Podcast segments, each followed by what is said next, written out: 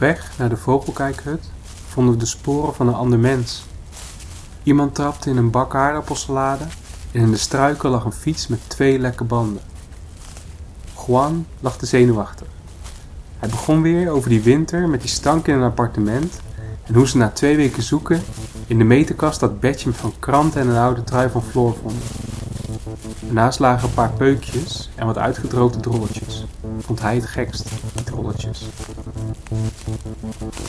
Dat iemand gelukt was om in die kleine ruimte te poepen en te slapen. Floor zuchtte. Er zit niemand in die hut, zei ze. Staatsbosbeheer doet hem s'nachts op slot.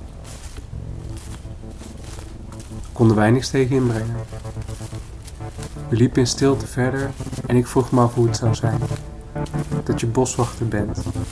Dat je in de regen, met je waterdichte pak en je sleutel naar die hut gaat.